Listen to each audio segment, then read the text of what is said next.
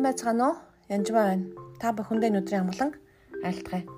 Тэгэхээр юунда би бичвэрийг зөв унших бас бясалгах хэрэгжүүлэх талаар бас хэлж өгье гэж бодсон юм. Тэгэхээр Яшуа 1-ийн 8-9-ийг хэлж өгье. Хуулийн энэ номын амнаасаа салгалгүй байж өдөр шөнөгүй үнийг бясалган үүн дотор бичигдсэн бүхнийг сахин биелүүл. Тэгвэл чиний зам өөдөлж чи амжилтанд хүрэх болно. Тэгэхээр энэ үгийг уншихдаа юу гэж ойлгох вэ гэхээр Бурхан миний замыг өөдөлж амжилтанд хүрнэ гэсэн гээл хүмүүс дандаа боддог. Гэхдээ энэ бас л нөхцөлд нөхцөлд болзолтой ишил байгаа. Бид нарыг даалгавартай нэгсэн доо. Багшаар бол багш ихэнх хэмээн заагаад тэгээд дараа нь даалгавар өгдөг. Хүүхдүүд даалгавраа хийсэн дараа онц юм уу дүнгээ авдаг, эсвэл шагналаа авдаг байгаа. Тэгэхээр энд хуулийн энэ номыг амнаасаа салгалгүй байж хуулийн номыг амнаасаа салгалгүй байна гэж юу гэсэн үг юм бэ? Библийн буюу Бурхны үг чиний амнаас салахгүй байхын тулд яах ёстой вэ гэхээр чиний зүрхэнд бүр нэвч шингэж орно гэсэн үг.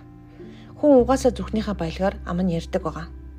Тэгэхээр зүрхэнд чинь гоны гутрал янз бүрийн эргэлзээ тэнэлзээ байгаа бол та таны амнаас тийм л өгнүүд гарч ирнэ гэсэн үг магадгүй үзсэн харсан фейсбુક ч юм уу үзсэн киноноос болоод нөхцөл байдлаас хамаарат хүмүүс дандаа сүрэг амнаас гаргаж байдаг.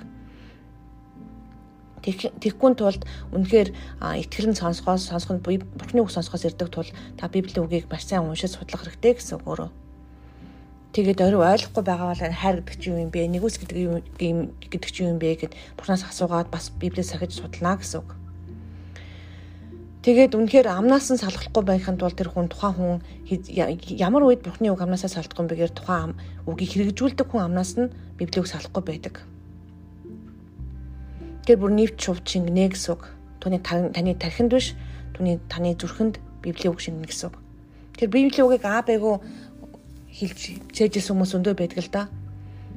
Тэгсэн мөртлөө тэрийгэ биелүүлдэггүй хүмүүс бас байдаг. Тэгэхээр энэ бол хоёр дахь нөхцөл хамаатай. Өдөр шөнөгүй үнийг бясалгана гэж бясалгана гэдэг нь зүгээр суугаад чимээгүй цагийг л ам гэдэг ч юм ингээ сууж наа гэсэн үг өрөөсөө биш. Энд байгаа өдөр шөнө мөнийг бясалгана гэдэг дээр үнэхээр өдөр шөнө түүнийг хэрэгжүүлдэг хүмүүс л энийг бясалгаж байгаатай адилхан гэсэн үг. Мөн сайн ойлгоно гэсэн үг. Ухаж төнгөж ойлгоно гэсэн үг. Учир нь олон илчлэлтийг авна гэсэн үг.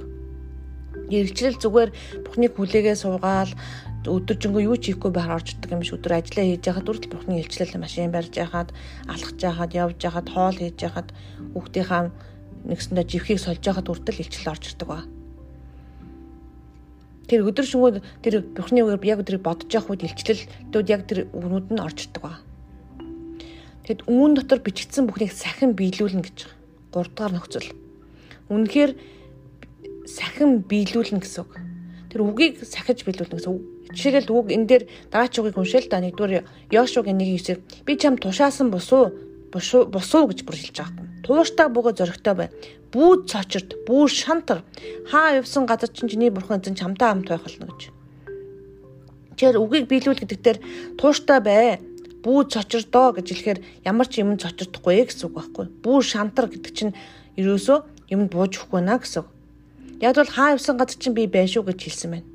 Тэр бүү санаа зов гэсэн тушаад хүртэл байдаг. Тэр ихэнх хүмүүс санаа зовсоор л байдаг л да.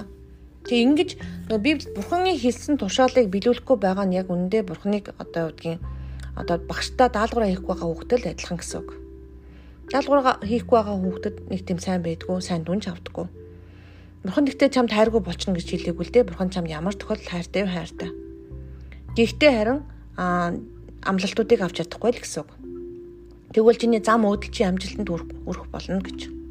Тэгээ зам өөдөлж чи амжилтанд хүрэх болно гэж. Тэрс бурхан үндэтэй зүгээр амжилтанд хүрэх ч юм уу, бурхан сайн гэж юм уу дандаа хүмүүс боддог. Гэтэ бид нар Библийг үнэхээр бидний төлөө бичигдсэн гэдгийг мартаж болохгүй. Чи амжилтанд хүрэх болно гэж бод. Чи хэрэгжүүлсэн хүн нь амжилтанд хүрэх болно гэсэн. Тэгэхээр Библийг уншихдаа яг сайн унших ёстой.